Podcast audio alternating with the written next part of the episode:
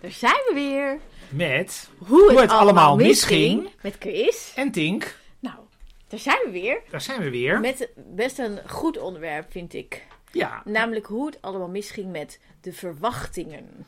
ja, Want er zijn verkiezingen geweest. zeker. En er heeft iemand gewonnen. Het schijnt overal. dat er iemand overal, het maakt eigenlijk niet uit waar je geweest bent, overal heeft heel overzichtelijk. gewonnen. Ja, ja, ja. Buitengewoon overzichtelijk. Buitengewoon overzichtelijk. Het is Caroline van der Plas met de BBB.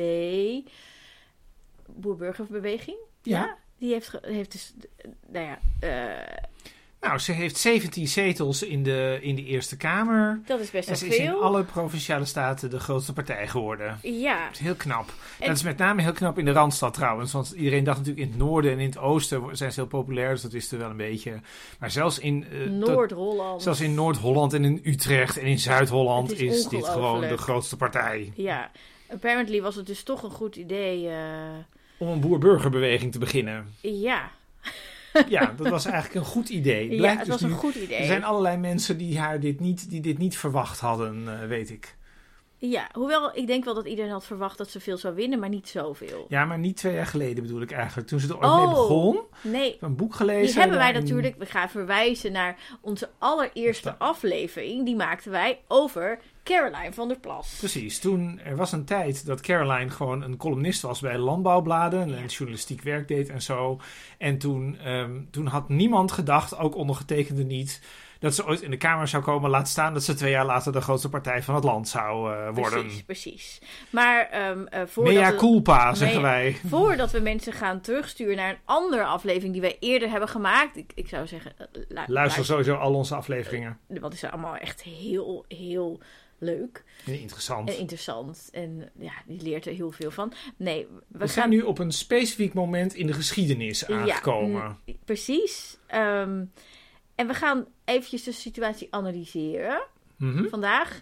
En dan gaan we kijken of wij tot een oplossing komen. Ja, dat lijkt me een Dat goed is- idee. dat is ja. Wat we Wat is op dit moment volgens jou de situatie? Nou, de situatie is dat ehm, heel veel mensen zich zorgen maken over heel veel dingen. En dat gaat van grote dingen zoals klimaatverandering, een oorlog in Oekraïne, ehm, hoge prijzen van alles, tot aan ehm, eh, stikstoftoestanden, Waardoor boeren uitgekocht te weinig worden. woningen, maar ook bushaltes die weggaan. Eh, eh, scholen die dicht moeten, geen spoedeisende hulp meer om de hoek. Precies. Al dit soort zaken. Eigenlijk alles waar wij ehm, Het is een enorme waslijst een eigenlijk. is enorme waslijst Ja. van ongeveer alles wat, wat ongeveer ja Mis kan gaan. Ook, maar wat, wat we zijn. eigenlijk heel lang voor lief hebben genomen dat het er was. Nou, voor een eh, dat het allemaal dingen die, die, die beter waren de in het verleden. de basis was Vroeger, beter. vroeger had je in Lelystad gewoon een spoedeisende hulp die 24 uur per dag open was. Vroeger had je gewoon een buslijn. En nu ga je dood omdat het te lang duurt voordat de eerste hulp er kan zijn. Ja, als je vroeger had je gewoon huizen woont. voor je kinderen. En had je gewoon boeren Voor die gewoon konden boeren. En Ja. dat was allemaal geen probleem. Kon je rondkomen van Vroeger een baan. kon je gewoon je betalen. En nu is het eigenlijk één grote, het is eigenlijk één grote klaagzang. Het is een teringbende. Oh, nou, oké. Ja. Mag ook. Nou goed, dus dat is de situatie. Dat is de situatie. Ja, en daar zijn mensen vrij ontevreden over. En dat, Ehm, kunnen wij, dat begrijpen wij natuurlijk. Sterker heel nog, goed. ik ben daar ook Daar zijn ontevreden we zelf over. ook ontevreden ja, over. Ja. zeer ontevreden over. En dan zijn er nog allerlei politieke dingen waarvan je denkt, eh, voor de mensen die dat volgen, ik denk dat onze luisteraars dat wel volgen, maar heel veel mensen misschien niet zo. Maar, ehm, Dat ook veel. heel veel de politiek Dat- het ook een beetje laat afweten. nou ja, maar ook bijvoorbeeld bij de toeslagenaffaire is dan zo heftig dat een kabinet aftreedt en vervolgens treedt hetzelfde kabinet weer aan. Nou, we hebben En dan- in- mensen in Groningen, we zitten al jaren op de, op de versteviging van hun huis te wachten. Er is een rapport over, En dan zegt dan niks. de minister-president, ja, dit zijn 2000 pagina's, dat heb ik natuurlijk nog niet gelezen. Ja, er zou een nieuwe bestuurscultuur komen, en die is er Nou. ook niet gekomen. En we horen, nou, BBB gewonnen en het eerste wat de minister zegt is, nou, maar we gaan het stikstofbeleid gaan we niet veranderen. Nee. Nee, dus het is ook weer een hele waslijst Er eigenlijk. is veel reden om ontevreden te zijn. Om boos te Om, zijn. bo- om woedend te Woedend zijn. te zijn, Ja, om ja. de vlag om te draaien. Dat soort dingen. Ja, het is wel gek, want juist deze week zijn de vlaggen dan weer goed gehangen. Hè? Want Zullen we een soort dat- weddenschap afsluiten hoe lang de vlaggen nu weer rood-wit-blauw hangen? Ja, in plaats precies. van blauw-wit-rood? Ja, ik denk dat het niet zo lang duurt. Nee, ik denk het ook niet. Nee. nee. Maar we gaan verder. We gaan verder. Dus dit is aan de hand. We zijn boos en, en ontevreden en woedend. En, en er zijn ook gewoon problemen, want we kunnen... Ja, het gaat ook echt ergens Het over, echt zeg maar. Het is, niet, over. het is niet kleine kinderen gedrag. Nee, het zijn Nee. fundamentele problemen voor bijna iedereen, zou ik zeggen. Nou ja, eh, Nou. nou, 5% van de bevolking heeft er waarschijnlijk geen last van. Maar grootste, de Denk je dat 50% bovenlaag... van de bevolking... Nee, 5%. Oh, 5% Nee, niet geen last. Jij 50. dacht al 50%, hoe kom je nee, daarbij? 5% of zo, die hebben er waarschijnlijk geen last van. Ja, maar heel veel mensen hebben last. is best oké. Nou, ja, Ja. nou, goed. Ja, precies. Ehm, alright. Nou, en dan, dan nou goed, hebben we dus de opsomming van wat is er aan de hand, de situatie. En wat zijn dan de opties Die je dan hebt. die je dan hebt qua stemmen? Ehm, Ik zou denken, kijk, er is natuurlijk heel erg ehm, een campagne gevoerd ehm, eh, vanuit de coalitie om eh, dat in stand te houden, ook in de Eerste Kamer. Hè, want het is dus, nou ja, volgens mij is het heel simpel. Kijk, je hebt de coalitie die er zit. ja, En eigenlijk als je het ermee eens graag bent... een meerderheid Die willen graag Kamer. door op de huidige weg. Dus als je daarop stemt, dan krijg je dat weer. precies. Daar hoef je ook... Het grappige is ook, politiek hoef je helemaal niet... Je hoeft helemaal niet ingewikkeld te maken. Dit kan iedereen snappen, Ja, zeg dus, maar. dus je wilt dat het Ja. zo blijft of je wilt Ja. dat het niet zo blijft. Ja. Dus als je wilt dat het zo blijft, dan, dan stem je op de VVD, op het CDA, op D66 of de ChristenUnie. Wil je dat het niet zo blijft, dan stem je iets anders. Ja. En nou is het punt natuurlijk dat al die mensen die boos zijn, zou je kunnen denken, het zou wel eens kunnen dat die iets anders stemmen. Dat hebben ze Ja. ook heel vaak gedaan. En dan zou je als iets anders kun je overwegen. Nou, misschien doen we dan wel GroenLinks of de PvdA, want die willen samen, zeg maar. En die gaan misschien wel verschil maken. Maar ja, dan zou je ook heel cynisch kunnen denken van... Ja, maar de PvdA, die, ze hebben heel lang meegeregeerd... en dat heeft eigenlijk ook niet geholpen. Die verkopen hun ziel ongeveer gisteren als ze de kans krijgen. En GroenLinks wil daarmee samen... En nou, dit is een beetje insiders information. Maar GroenLinks heeft natuurlijk bij de vorige verkiezingen al zeg maar eh, intern overleg van nou, hoe zullen wij onze. Zullen we onze ondergrens maar loslaten over klimaat en migratie bijvoorbeeld? Want dat is handiger samenwerken met de VVD. Maar waar het eigenlijk om gaat is, dat zijn allemaal partijen waarvan je weet, Dan blijft het hetzelfde. die kun je, je kunt redelijkerwijs verwachten. Ik bedoel, ze, ze zullen natuurlijk wel iets doen. Het is niet dat ze helemaal Misschien. niks doen. Ja, Maar de verschillen zijn natuurlijk beperkt. Daar Ja, komt het en er- eigenlijk op neer. precies. En beperkt is te weinig Als je boos bent. als je boos bent. Ja, als je boos bent wil je iets dan anders. moet het roer om. En dat hebben we natuurlijk. Er Wat was zou je nou kunnen stemmen als je het roer om wil? ja, Wat Nou, stem je dan? dan stem je iets nieuws.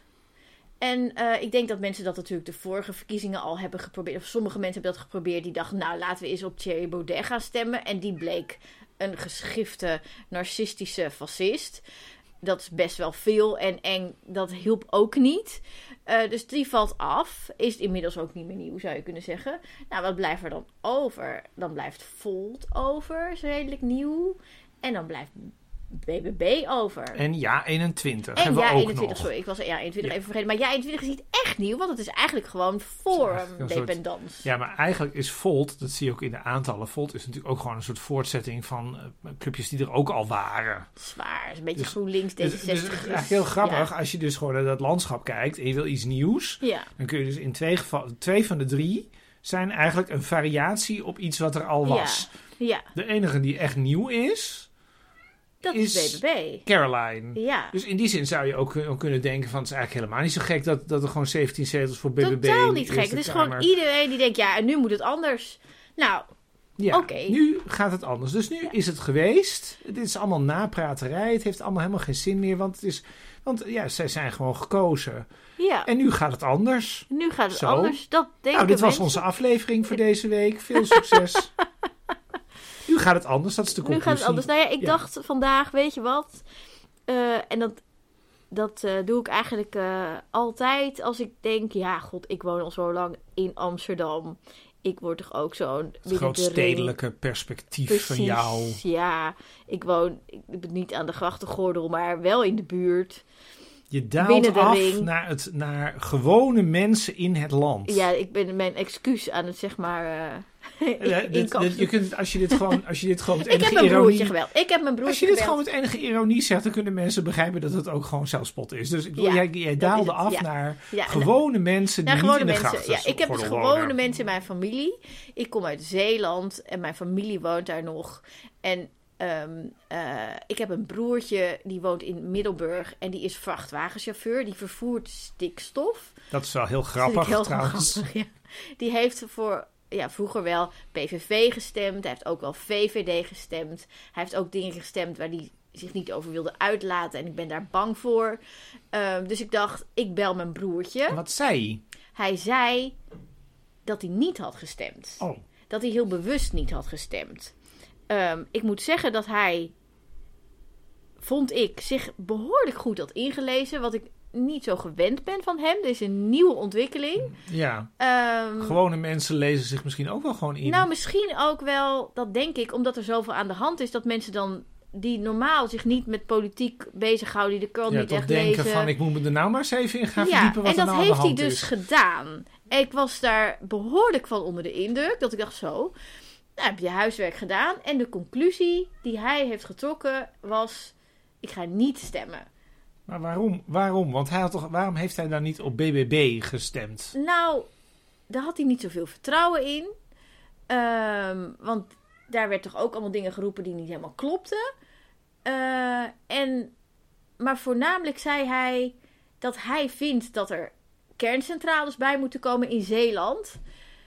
En dat de partijen die nog redelijk waren, dat niet wilden. Ja, ja. Hm. En dus was er eigenlijk niemand met wie hij het nog eens was. En werd er vooral heel veel dingen. Werd er, werd er vooral heel veel gezegd wat niet klopte. En dus die had zoiets van: ja, daar heb ik allemaal niks aan, dus ik stem niet. Het is wel een beetje ingewikkeld, dit. Ja, maar ik begrijp het wel. Dat, dat er zoveel combinaties zijn, maar dat er geen enkele combinatie is die bij je past. Nou, bij je past. Nou, Eh, dat je denkt van, nou, die geloof ik vanavond, zet in.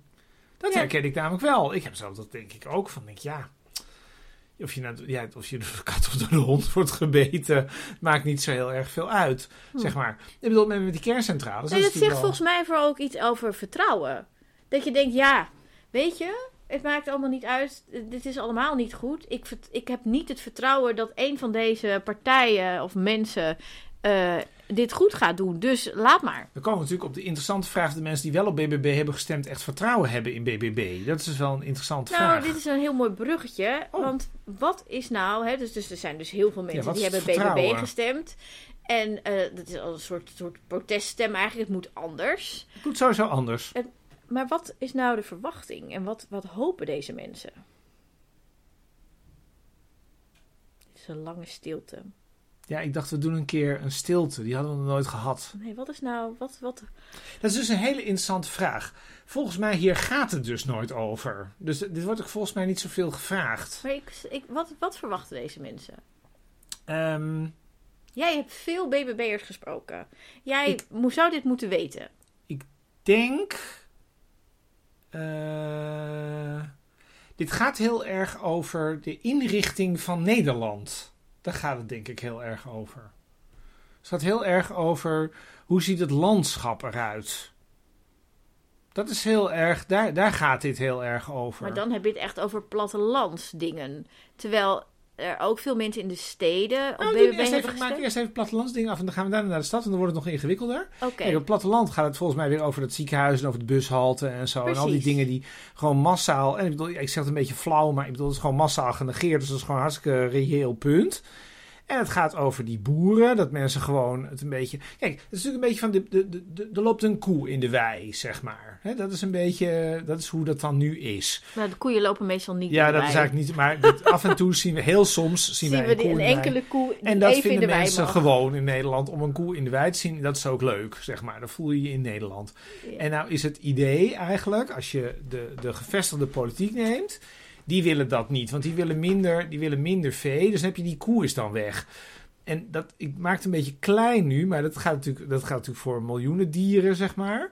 En die, die hele verbouwing, zeg maar, die verbouwing van Nederland, dat al dat vee moet weg en minder boeren en meer natuur daarvoor in de plaats.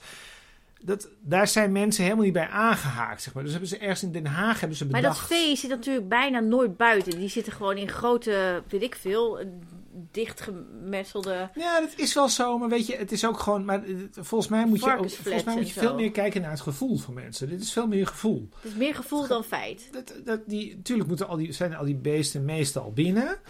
En het zal best zijn dat die dieren het misschien niet goed hebben of dat ze wat uitstoten, et cetera. Maar het gaat veel meer om. Stoten heel veel In uit. Nederland, die dieren die waren er altijd al. Het was eigenlijk nooit een probleem. Overigens even Ja. time-out. Time Zeg maar, nou, heel korte time-out. Time Dat ik even voor, voor het luisteraar, Ja. eh, zeg maar, het is leuk voor het thema, dacht ik. Ik laat een van mijn katten rondlopen. Oh ja. We hebben dieren. Vanwege de dieren. Vanwege zeg maar. de dieren. Ja. Dus er is één kat, die, Die hoor je misschien miauwen. hoort. Ja, En ja. als u hem niet hoort, moet u uw Ja. geluid harder Die wil gewoon naar buiten. En ik laat hem zo naar buiten, geen Maar goed, zorgen. dit ja. allemaal onder het motto eh, dieren. Ja. Dat is een bepaald idee wat mensen bij Nederland hebben. En wat volgens mij het punt is, is dat dat idee van Nederland aan het verdwijnen is. Dus, ehm, dus straks zijn de dieren allemaal weg en dan zijn er geen boeren meer. En eh, ondertussen heb je ook geen huis meer. En het idee is denk ik dat BBB ervoor gaat zorgen dat, dat, an, dat, dat, dat, het eigenlijk dat, die, nou ja, dat die problemen worden opgelost en dat het blijft. Dus dat die boeren gewoon kunnen blijven. En dat als je met je auto door het platteland rijdt, dat je dan gewoon weer een koe in de wei ziet. Denk je niet dat het vooral, weet dat denk ik, dat het veel meer gaat over duidelijkheid? Omdat iedereen weet wel dat er dingen moeten veranderen. Om, door nou, een veranderend klimaat, door vervuiling en dergelijke. We moeten wel. En, eh, eh, en wie dat niet wil, zeg maar. We moeten ook, omdat we daar nou helemaal afspraken over hebben gemaakt. Ja, maar dit is volgens mij al helemaal niet waar, hoe je het nu zegt. Dit is nou, precies ik, het punt. ik, ik, ik- misschien, dit- jawel, dat is wel nee, waar. is niet waar. Dat hebben, nee, die, Wel dat is, waar. we hebben die afspraken. Ja, gaan we nu ruzie maken. Dat- we hebben die afspraken wel. En er zijn heel veel mensen die vinden dat het schoner moet en zo. Dus dat is allemaal, dat is allemaal waar. Maar het is natuurlijk niet zo dat een hele hoop mensen. Ik denk dat mensen zich daar helemaal niet aan gecommitteerd voelen. Of die, of Nou, die ik afspraken niet kennen. Dat is het punt meer. Nou, ik heb het dus over duidelijkheid. Dus dat het is niet alleen dat boeren al drie jaar wachten van wat moeten we nou? ja, wat moeten we nou precies doen? Ja, precies. Ja. Zeg het nou gewoon. Ja, zeg gewoon wat en dan, wij is nou dan, moeten en dan heb je dus het woordje gewoon. En dat is het, een, een woordje dat Caroline ook de hele tijd gebruikt. Gewoon dit doen, gewoon dat doen. We doen gewoon zo en we lossen het gewoon zo op. En volgens mij is dat het hele punt. Dat alles heel ingewikkeld en vaag wordt gehouden. En, en er geniet echt stappen worden Nou, gemaakt. volgens mij, je kunt hem En- vergelijken. Volgens mij is hij zo. Je kunt, je, als, je, als je nou bijvoorbeeld Kaag stemt, of je stemt Rutte, zeg Ja. maar. Dan krijg je hele ingewikkeld, eigenlijk waar jij net aan refereert, krijg je hele ingewikkeld iets met afspraken en iets met stikstofdeposities en zo. Dat is allemaal heel En ingewikkeld. mensen snappen er geen zak van. En er gebeurt ook niks. En mensen zitten te wachten. Nee, maar het is nog en het erger. Het zijn ook afspraken die mensen ook helemaal niet voelen als hun afspraken. Dus er zijn wel afspraken over gemaakt, maar die zijn natuurlijk ja, het zijn wel namens ons gemaakt. Maar die voelen niet als namens ons. Ja, En Caroline, volgens mij, wij hadden het net over hè, van dat grapje van lopen die koeien nou in de wei of niet? hm. Nou, die lopen inderdaad heel vaak niet in de wei.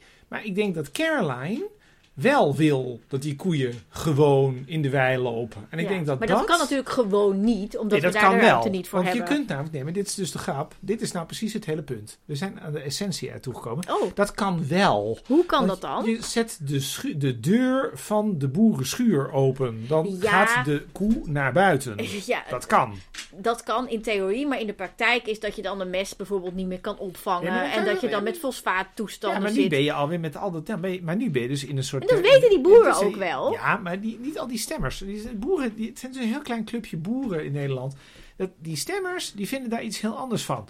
Die zijn er helemaal niet mee bezig. Die willen gewoon een koe in de wei. En die denken: waarom laat je die koe niet gewoon buiten lopen? Dat is een mooi grasveld. Dan kan die Ik denk dat je analyse niet grazen. klopt.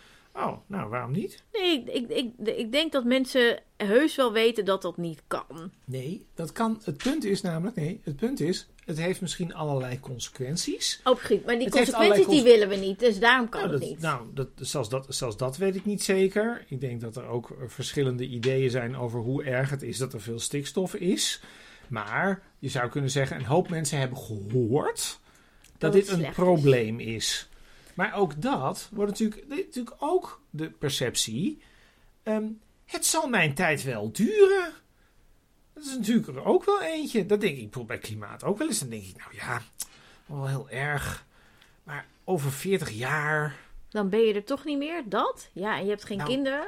Nou ja, eh, we kunnen niet. Nou ja, kijk, er is ook een soort. Ja, maar wat wel zo is, nou, dat, is een beetje, dat klinkt een beetje flauw en onverantwoord misschien.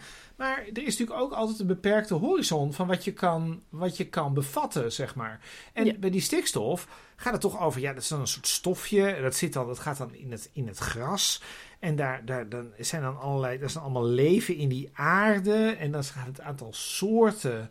Gaat daar dan naar beneden. Dat is dan de biodiversiteit. Ik denk dat heel- dat- ik denk dat je mensen onderschat. Ik verhaal. Ik denk dat, je, me- dat mensen het best wel snappen. Maar dat ze- ook niet dom. Dat is ook niet wat ik zei. De vraag is, wat vinden mensen belangrijk? Dat is de vraag. Nou, ik denk dat wat mensen belangrijk vinden is duidelijkheid en zekerheid. Nou, en dat is nou het hele punt. Dat is er niet. Volgens mij is die er bij, die, bij dat hele technocratische gedoe met al die stofjes en al die uitstootnormen, et cetera, is die duidelijkheid er niet. Want mensen kunnen het niet overzien. Ik kan het zelf ook niet altijd En overzien. er is geen zekerheid. En er is ook geen zekerheid, is dus ook niet duidelijk. En er is heel veel aan de hand en je kunt niemand meer vertrouwen. Caroline geeft wel zekerheid. Want Caroline vindt gewoon dat die boeren daar, ja, die mogen vrijwillig stoppen, maar anders niet.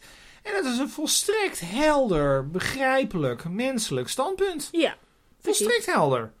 Zo. Maar goed, dit zijn de boeren. En er zijn eigenlijk helemaal niet zo gek veel boeren, procentueel gezien in dit land. Er hebben veel meer mensen op BBB gestemd dan dat er boeren zijn. Oh ja, Volgens mij, dat las ik ergens, dat als alleen alle boeren BBB zouden stemmen, dat ze nog geen zetel zouden Ja, hebben. dus het, de grootste vraag is eigenlijk, eigenlijk is de vraag, de echte vraag is, Wie dan? nou, de vraag is eigenlijk niet zozeer van of de mensen in de provincie, zeg maar, hè, om het even zo te zeggen, BBB gestemd, want dat is eigenlijk wel verklaarbaar, want daar zitten heel veel van die thema's, en dat is wel, dat, maar waarom zouden nou mensen, bijvoorbeeld in Amsterdam, heeft 5% van de mensen BBB gestemd. Waarom zou je dat vanuit, vanuit Amsterdams oogpunt, hè, vanuit de grachtengordel, om maar eens even zo te zeggen, waarom zou je dat nou stemmen? Ja, omdat alles misgaat en mensen het zat zijn. Dus geen vertrouwen in wat er, wat er, Wat er was. wat er, was, wat er is. Dus dan maar BBB, want dat is het alternatief. Ja. Dat denk ik. En dit verwachten mensen dan. Dat dus die problemen Nou ja, dat is dus de vraag. Wat is de verwachting dan? Want dus je bent geen boer, je woont niet in de provincie.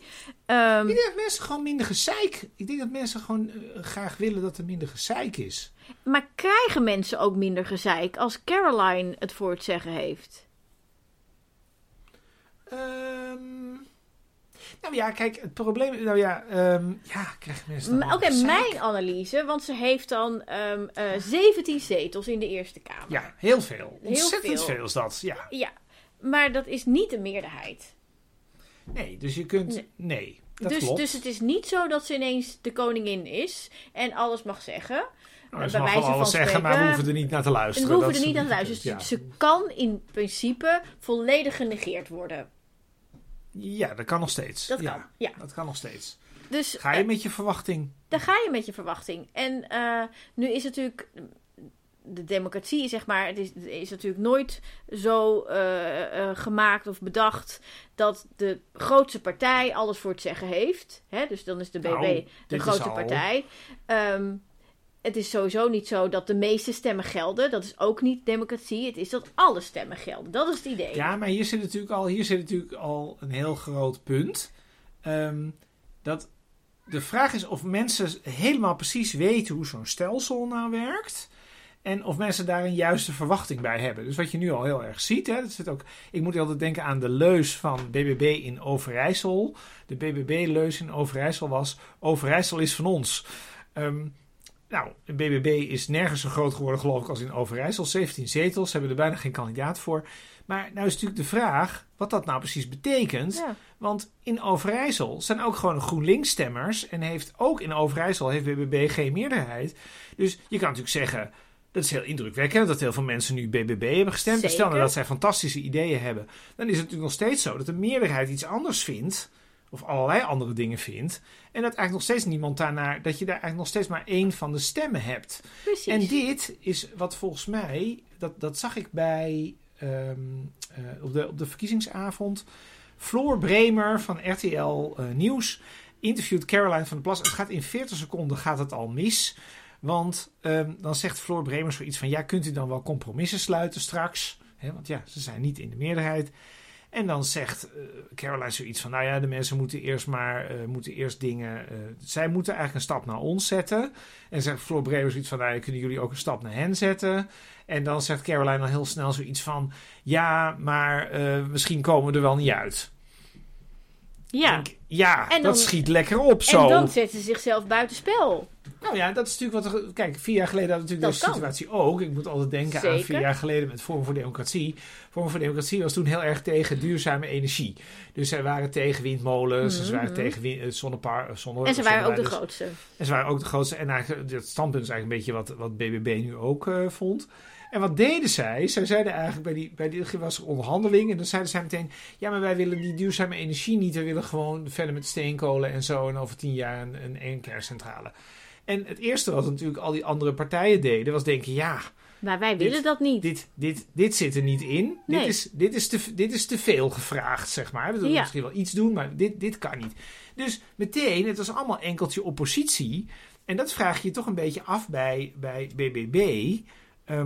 Zij zeggen bijvoorbeeld, we, we mogen, die boeren mogen nooit uitgekocht worden. Maar dan is mijn, zou mijn vraag zijn, die is natuurlijk op tv nooit ruimte Nee, zeg niet vraag- nooit uitgekocht, alleen nooit verplicht. Nooit verplicht uitgekocht. Dan zou mijn vraag zijn, stel nou dat in een bepaalde provincie Hm. er een stikstofprobleem is. Hm.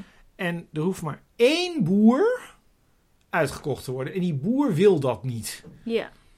Kan die boer dan verplicht onteigend worden wat BBB betreft, als dan de rest van de provincie, als alle boeren de rest in de, van de rest van de provincie allemaal gespaard kunnen blijven? Ja. Nou, dat lijkt mij een mooie zwart-wit tegenstelling, of dat dan Mhm. zou kunnen. Volgens mij vanuit BBB gezien kan dat dus ook niet. Dus die ene boer moet dan ook kunnen blijven zitten. Ja. Nou, dat lijkt mij En, en dus kan er dan niks gebouwd worden. En dat betekent dus dat je je op basis van één boer richting de oppositie manoeuvreert. Dat lijkt mij best wel uit balans als Ja. je dingen wil bereiken. dus ze zullen toch maar. concessies moeten doen. Zou, dat zou logisch dat- zijn. Ja, dat, maar dat heeft Caroline nu eh, gezegd. Ja. Caroline heeft gezegd, wij doen niet aan verplicht uitkopen. En dat is natuurlijk op zich een heel, vanuit boeren gezien, een heel begrijpelijk standpunt. Heel Ja. duidelijk, Ja. zeg maar. En ook een heel menselijk standpunt. Want op zich zou ik daar ook voor zijn. Je wil niet mensen verplichten om een le- hun levenswerk Nou, wat ik heel interessant vond, was dat Martin Sommer schreef, eh zaterdag in de Volkskrant, van ja, er wordt tegenwoordig over het uitkopen van boeren gepraat alsof dat de gewoonste zaak van de wereld is. Precies. Dat is natuurlijk niet zo. nee, dat is, Dus- dat, Dat, dus, als je daartoe verplicht wordt, nou, dat, dat, Maar dat zijn vaak familiebedrijven. Maar het dus probleem met democratie is natuurlijk de hele tijd van... ehm, het is een beetje balanceren. En je wil Mhm. sommige dingen oplossen. Je kan niet alles krijgen. En waar leg je nou precies, waar leg je nou precies de grens? ja. Dat je nog... Maar als jij net krijgt. die ene boer bent, of dat gezin bent, dat, dat bedrijf runt al generaties lang, en dit krijg jij op je bordje, dat is wel even iets anders dan dat wij hier in de, weet ik veel, binnen de ring in Amsterdam gaan zeggen, ja, nou ja, dan moet het maar. Toch? Ja, maar daar ben ik ook, maar daar ben ik ook eerlijk in. Kijk, daar ben ik ook over gedraaid. Ik bedoel, eh, ik vind helemaal niet eh, reëel hoe daarover, eh, hoe daarover gepraat wordt. Dus dat even zo gezegd van, van ja... eh, dan, moet, dan moet de helft van de veehouders maar stoppen. Maar dat is tegelijk, ik, is het nou- heel vergelijkbaar, bedenk ik nu, met hoe daar met de Groningers is omgegaan. Want het levert nou eenmaal veel geld op om naar gas te boren. Dus zijn ook de Groningers heel lang Het is gewoon veel gedoe is, is er heel, veel... heel weinig ge- gecommuniceerd over de risico's. En dat staat natuurlijk ook in het rapport wat nu is uitgekomen. Ehm, dus dan, ja, dan, dan zijn individuen die daar wonen, die zijn de dupe van een beleid. En het beleid is, we blijven boren, want het levert heel veel geld op. En we gaan eh, maar er zo min mogelijk daarover zeggen wat de risico's daarvan zijn. Want anders krijg je gesodemieter. Ehm, dus dat is eigenlijk beleid ten koste van de burger. En dat is in principe, als je boeren tegen hun zin gaat dwingen om hun bedrijf te verkopen, is dat ook aan de hand. Je doet dingen waarvan je, waarvan je eigenlijk weet dat het niet deugt. Nou ja, niet deugd. Dat, dat gewoon beleid voor de burger gaat. Dat dat, hè, dat dat beleid ten koste van de burger kan gaan. En in Groningen Ja. zijn het weliswaar veel meer mensen. eh, wat natuurlijk Nou ja, het is schandelijk natuurlijk is. omdat er andere maar het is nog zijn. steeds het is individueel leed. Dat is eigenlijk wat ik wil ja, de zeggen. politiek, maar, dat, maar de politiek, dit is natuurlijk zo'n oud gezegd, ik weet niet precies wie dat bedacht heeft, maar politiek is natuurlijk het verdelen van leed. Dat is natuurlijk wat eigenlijk politiek doet. Maar het is wel heel, heel Ja. triest. Toch? Ehm, En de boeren hebben dit heel zichtbaar gemaakt. Ja, de boeren Via maken heel BBB. zichtbaar via BBB en via al die trekker, trekkermanifestaties dat, het, dat, dat zij te veel te lijden hebben onder deze abstracte regels. Ja.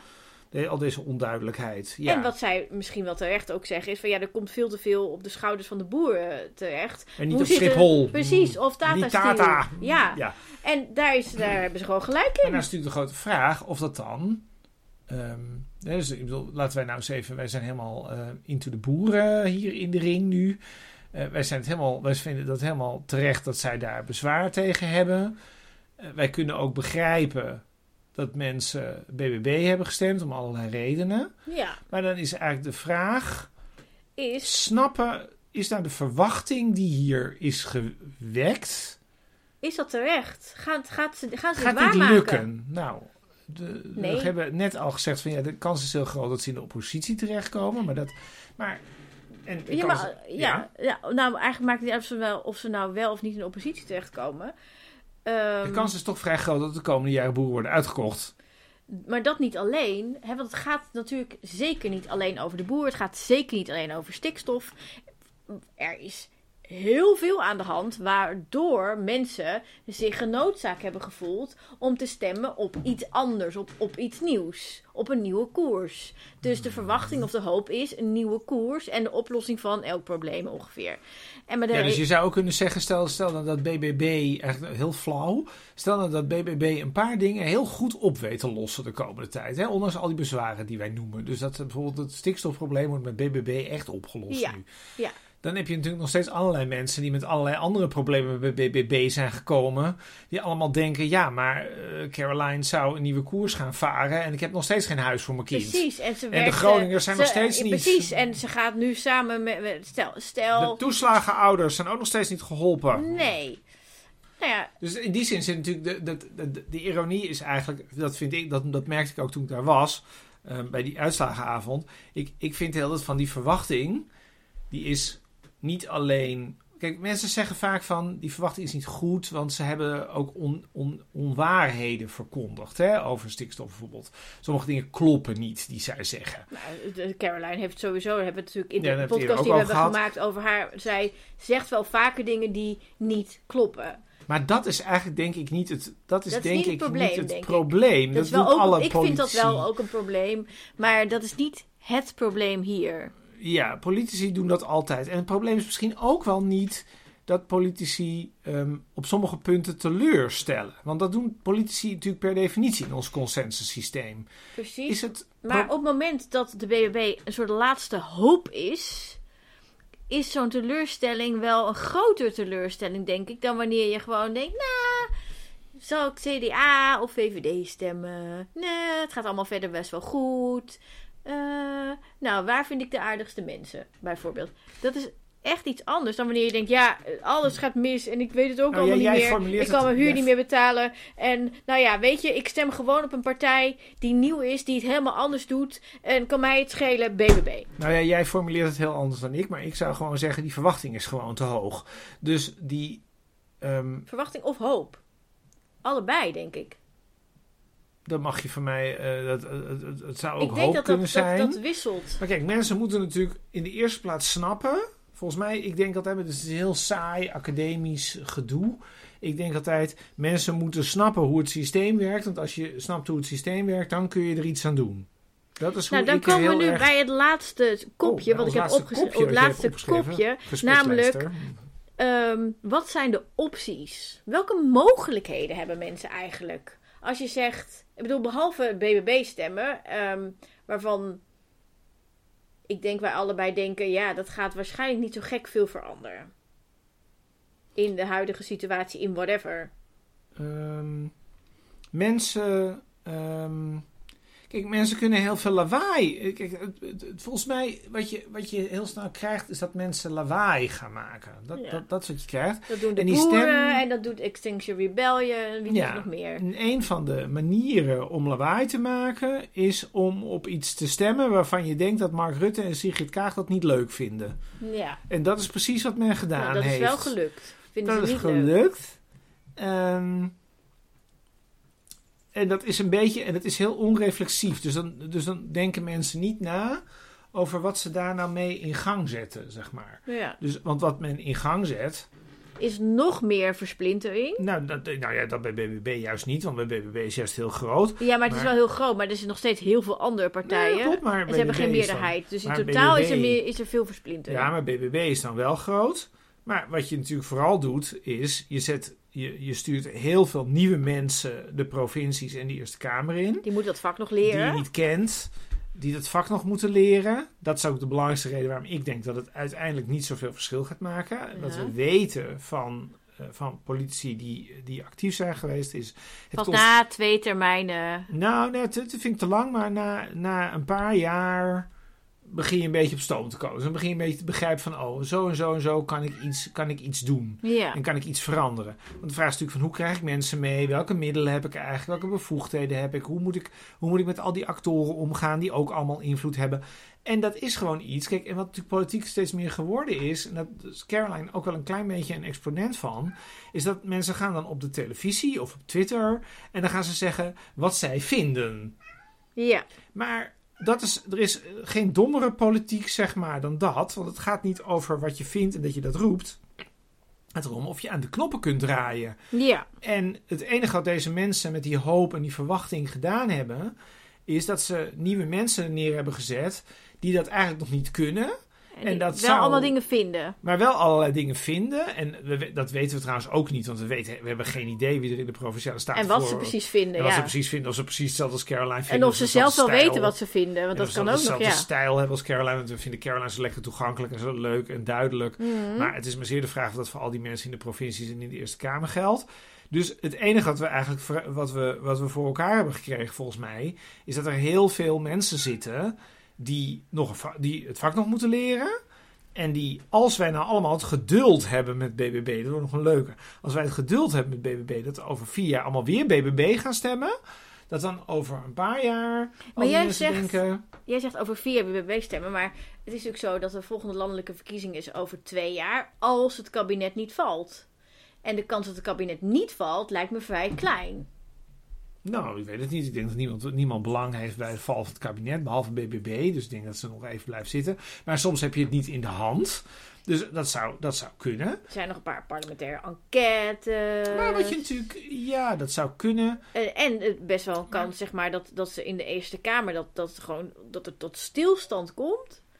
Ja, maar ik ben niet helemaal, over, ben niet helemaal overtuigd. Kijk, dat, het, wat we natuurlijk hebben is, we maar dat is precies ook weer zo'n reden. Dat is weer zo'n reden waarom er waarschijnlijk niet zo vreselijk veel verandert. We hebben meneer Rutte. En meneer Rutte, als meneer Rutte ergens goed in is, is hij iedereen te vriend houden.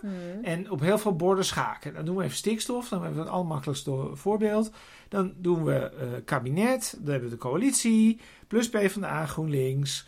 Dat is, geloof ik, net de helft van de Eerste Kamer is net niet genoeg. Ja, dan pak je, pak je Volt erbij. Dan pak je Volt erbij, maar dan doen we nog leuk. De SP steunt dat ook. Ja. En de Partij voor de Dieren steunt het, steunt het ook. Dus, en als ze dat nu niet steunen, dan bedenkt meneer Rutte wel iets. Dat kan ook misgaan. Mhm. Maar er is best wel potentie dat zij er met elkaar gewoon wel uitkomen. Dus het, het politiek gaat over lange adem. En niet over ehm, op een uitslagenavond heel veel lawaai Zeker. maken. En dan roepen. Eh, nu, nu heeft Nederland een andere koers gekozen. Nou ja, een deel van Nederland wel. En ik ben ervoor om die mensen, naar die mensen te luisteren. En ik denk dat ik meer in hun richting zou gaan dan het in de praktijk gaat. Maar ehm, ik denk als het, het- in de praktijk gaat het meestal. ehm, gaan dat, kijk, het is natuurlijk een soort. Dat is natuurlijk het hele punt. Het is natuurlijk een soort mammoetanker. Zo'n land. Dat, dat vaart een bepaalde kant op. Dus ons land vaart de kant op van eh, meer eh, mondialisering, meer internationale handel, meer klimaatbeleid, minder stikstof. Dat zijn allemaal richtingen die wij hebben. Ja. Nou, en nou is de vraag: kun je als individuele partij een spaak in het wiel steken en dat je zegt: ja, maar wij gingen wel richting minder stikstof. Maar wij vinden eigenlijk dat hoeft bijvoorbeeld maar in de helft van het land en in de andere helft van het land hoeft dat eigenlijk niet zoiets. Ik, Stel denk dat je niet, dat zou- ik denk niet dat daar voldoende stemmen voor zijn. Nee, maar eh, even, nee, maar even afgezien van dat is ook zo. Maar stel dat je dat zou, dat is wat ze eigenlijk willen. Ja. Zij willen eigenlijk dat, het, dat die koers van dat schip, dat het een andere kant uit gaat. Maar wat natuurlijk wel kan, en wat ik wel, nou ja, wat natuurlijk spannend is. Kijk, wij, wij, wij het is vandaag maandag. nu we dit opnemen, morgen komt CDA bij elkaar. Ja. We moeten maar even zien wat er bij het CDA gaat gebeuren. Bij het CDA gaan al stemmen op van... oh ja, nou, Caroline heeft toch wel gelijk. Het kan best wel zijn dat qua stikstofdingen en zo... dat zij van koers gaan veranderen, denk ik. Ja, maar dat is precies het hele punt. Dat, dat, de ironie is dat de lijst redenen... Dat is eigenlijk wel grappig aan dit gesprek. De lijst redenen waarom je kunt verwachten dat er niet zoveel verandert... is bijna eindeloos. Daar kunnen we zo nog een uur over doorpraten. Want wat je dan krijgt, kan het CDA wel vinden. En het kabinet kan ook... Kan, zal het kabinet laten vallen, kan allemaal. Ja, Maar het punt is natuurlijk dat de rechter heeft gezegd... dat het dat, moet. op die, dat het moet. Ja, En, ehm, en ja, dan is toch een beetje, zelfs als je, zelfs als je het daar niet mee eens bent, en daar zijn Mhm. mensen het niet mee eens, ehm, ja, je komt toch gewoon in een soort traject terecht met Europese boetes en allemaal precies. nog meer dan kom je rechtszaken. dus daar weer terug. Ja. Dus ook dan. En dan worden weer mensen boos. Van ja, we hebben dus een meerderheid, we willen dit. Ja. Maar Europa. Nou, en dat is dus waarom ik, en dat is dus waarom ik dus pleit voor kennis. Ik pleit ervoor dat mensen begrijpen. Want we kwamen bij de mogelijkheden. En dat is Dit is de belangrijk. want want wat, wat misschien leuk is voor de luisteraar om te weten. Jij hebt tien jaar lang in Rotterdam. Cursussen gegeven Cursussen over hoe gegeven. politiek werkt. Hoe ja, werkt het nou precies? dat is een En optie. Ik, dat vertelde je mij deze week. Ik wist dat niet. En ehm, ik geef af en toe lezingen over hoe je als individu dingen kan veranderen en politiek kan beïnvloeden. Ja. Dus dit lijkt op elkaar. En Ja. ehm, kun jij iets vertellen over wat jij hebt geleerd van het geven van die cursussen? dat mensen heel weinig dingen ervan weten. Dus dat mensen heel slecht kunnen inzetten. En dat klinkt heel erg uit de hoogte hè, als je dat zegt. Maar mensen kunnen heel vaak heel slecht inschatten wat nou precies de mogelijkheden zijn. Kun je Dus een mensen- voorbeeld geven? Nou, eh, dat, ja, dat ligt op een wat ander vlak. Maar ik bedoel bijvoorbeeld, in, in, je hebt bijvoorbeeld heel veel adviescommissies bij de gemeente. Ja. Dan gaan mensen in een adviescommissie zitten, dan geven ze ergens advies over. En dan denken ze dat de gemeente dat gaat uitvoeren. Dat is echt, dat is op een best wel basaal niveau een heel groot misverstand. Ja. Dat is niet zo. Ehm, mensen denken bijvoorbeeld dat ze dan, nou, bijvoorbeeld de, de, de, de klankbordgroep. Dan heb je van die klankbordgroepen en die zijn dan over een ziekenhuis te praten. En dan dat ziekenhuis dan een beetje oud. En dan zeggen dan moet het ziekenhuis naar een andere locatie of zo. Wel zoiets. En dan zeggen mensen, nou, wij vinden locatie A wel heel geschikt. Ja. En dan denken zij dat daar iets mee gaat gebeuren. Terwijl ja, er zijn nog duizend en één redenen om een ziekenhuis op een bepaalde plek te zetten of niet. Ja. Bijvoorbeeld, ik vind altijd, kijk, een ziekenhuis vind ik altijd wel fascinerend daarin. Je hebt in Lelystad, had je natuurlijk, IJsselmeer ziekenhuis is natuurlijk failliet gegaan. Is overgenomen. Ehm, maar dat is nu een beetje uitgekleed. En het komt erop neer dat als je om half elf s'avonds nog naar de spoedeisende hulp wil, dan is dat in Lelystad is dat dicht. Dus wat moet je dan als je in Lelystad of in Urk zit? Dan moet je 40 minuten rijden naar, daar gaan we, Almere, Sneek, eh, Zwolle of Harderwijk. Dat is allemaal 40 minuten, dat is allemaal te lang.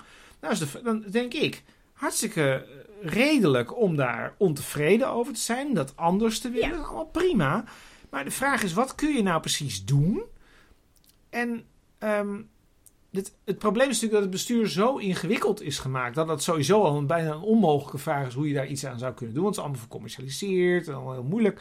Maar dan moet je in ieder geval wel, om maar gewoon even een beginnetje te maken, weten waar die bevoegdheid ligt. Dus wie nou bevoegd is om te zeggen, die, dat, dat ziekenhuis, dat moet weer een volwaardig ziekenhuis worden. Wie gaat daar nou over?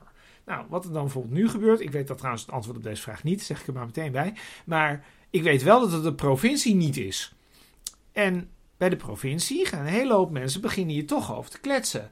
En dan ben je dus bezig met iets wat uiteindelijk tot heel erg weinig leidt. Dus volgens mij moet je eerst terug naar wie is nou precies verantwoordelijk Maar voor dit wat. is dus hoe je, zeg maar, bestuurlijk gezien, hoe dingen werken. Dit is hoe het bestuurlijk werkt, dat klopt. Ja, precies. Ja, dat is wel, wel interessant. Ik denk dat wij ook ik denk dat wij samen iets op een podium moeten gaan doen eh, hierover. Want ik gaf dus, of gaf, geef af en toe lezingen over hoe je als individu invloed kan hebben. Ja. Maar dat gaat dan niet over hoe dingen bestuurlijk werken. Wel een klein beetje, maar dat is eigenlijk maar een beetje bijzaak. Want als je kijkt naar grote bedrijven. Hoe krijgen grote bedrijven iets politiek voor elkaar dat gunstig is? En die hebben geld voor lobbyisten. Ja. En eh, volgens mij heeft zelfs, om even iets controversieels te noemen, de jagersvereniging eh, in Nederland heeft negen fulltime lobbyisten in dienst. Ja. Dat is best veel voor de jagersvereniging. Ik, ik Ja. ben me niet af. Ik weet niet, het kan ook zijn dat er zeven zijn, maar volgens mij zijn het er negen. ja. doet er niet precies toe. Ehm, maar het ding is dat de meeste burgers, of de meeste kleine organisaties of belangen die heel erg voor burgers zijn, daar is geen geld voor lobbyisten. Dus dan is het de vraag: hoe bereikt dit verhaal, deze situatie, de politiek? En nu is er gewoon een website, hè, tweedekamer.nl. Er staan gewoon telefoonnummers en e-mailadres van alle Kamerleden, bijvoorbeeld. Maar nou is het punt. Het punt Ja. is dat Kamerleden per definitie, en zeker hoe kleiner een, een, een fractie, eh, hoe meer, heel weinig tijd hebben. En zij moeten zich verdiepen in, weet ik vind alles. Ja. En er, daar is weinig capaciteit voor ook.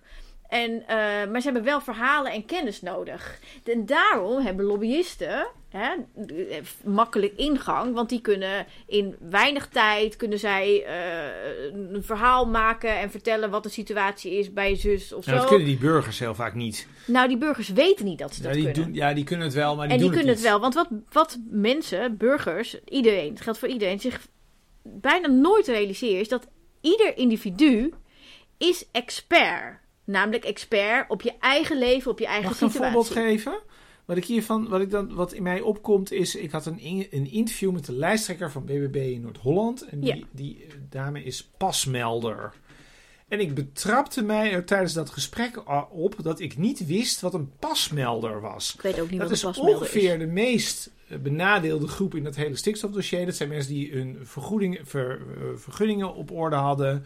En waarvan de overheid opeens zei van ja, maar wij erkennen dat eigenlijk niet. Dit is heel plat gezegd wat het ongeveer, wat het ongeveer is.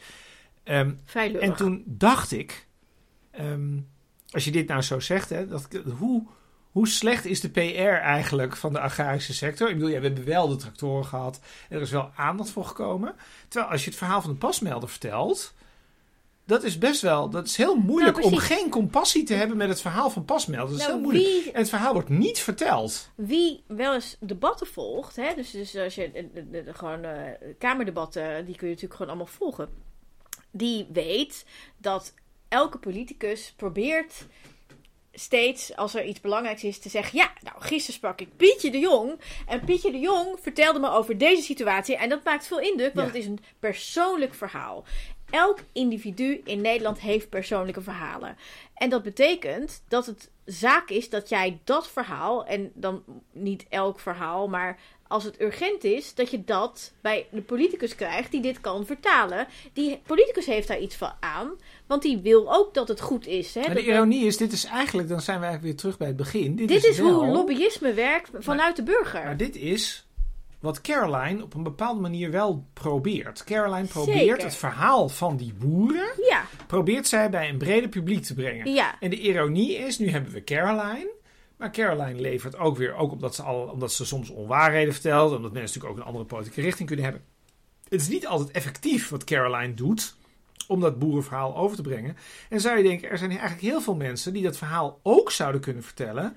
En die dat verhaal niet vertellen, waardoor uiteindelijk boeren natuurlijk in ook... het klinkt een beetje als het is de schuld van de boeren.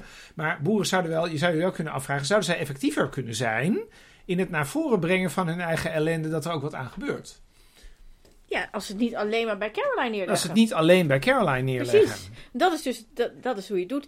Eh, Hoewel ik daar wel bij moet zeggen, waar ik voor wil waarschuwen, dat, dat, ik leg O het ook altijd o uit. Eh, misschien zit jij ook wel in dit soort mailtjes. Ehm, ik krijg af en toe krijg ik mailtjes die zijn dan gericht aan, weet ik het, heel veel Ja, mensen. dit was het eerste wat ik er net ook dacht. Dat alle, alle niet. politici, alle Kamerleden in de CC.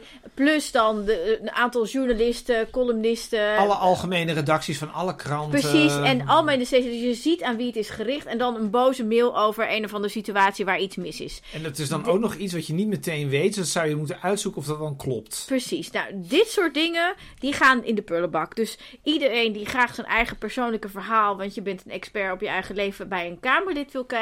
Dit is dus hoe je het niet doet. Hoe je het wel doet is, maak het persoonlijk. Waarom mail je dit Kamerlid? Waarom benader je deze persoon? En doe het heel erg één op de één. niet- Hou het bondig. Wat is het punt? Wat moet er verteld worden? En wat is eventueel de De oplossing? les is De les is leer lobbyen. leer lobbyen. Leer lobbyen, precies. Dan zijn wij aangekomen bij het vaste onderdeel. Iets aardigs te zeggen over mensen.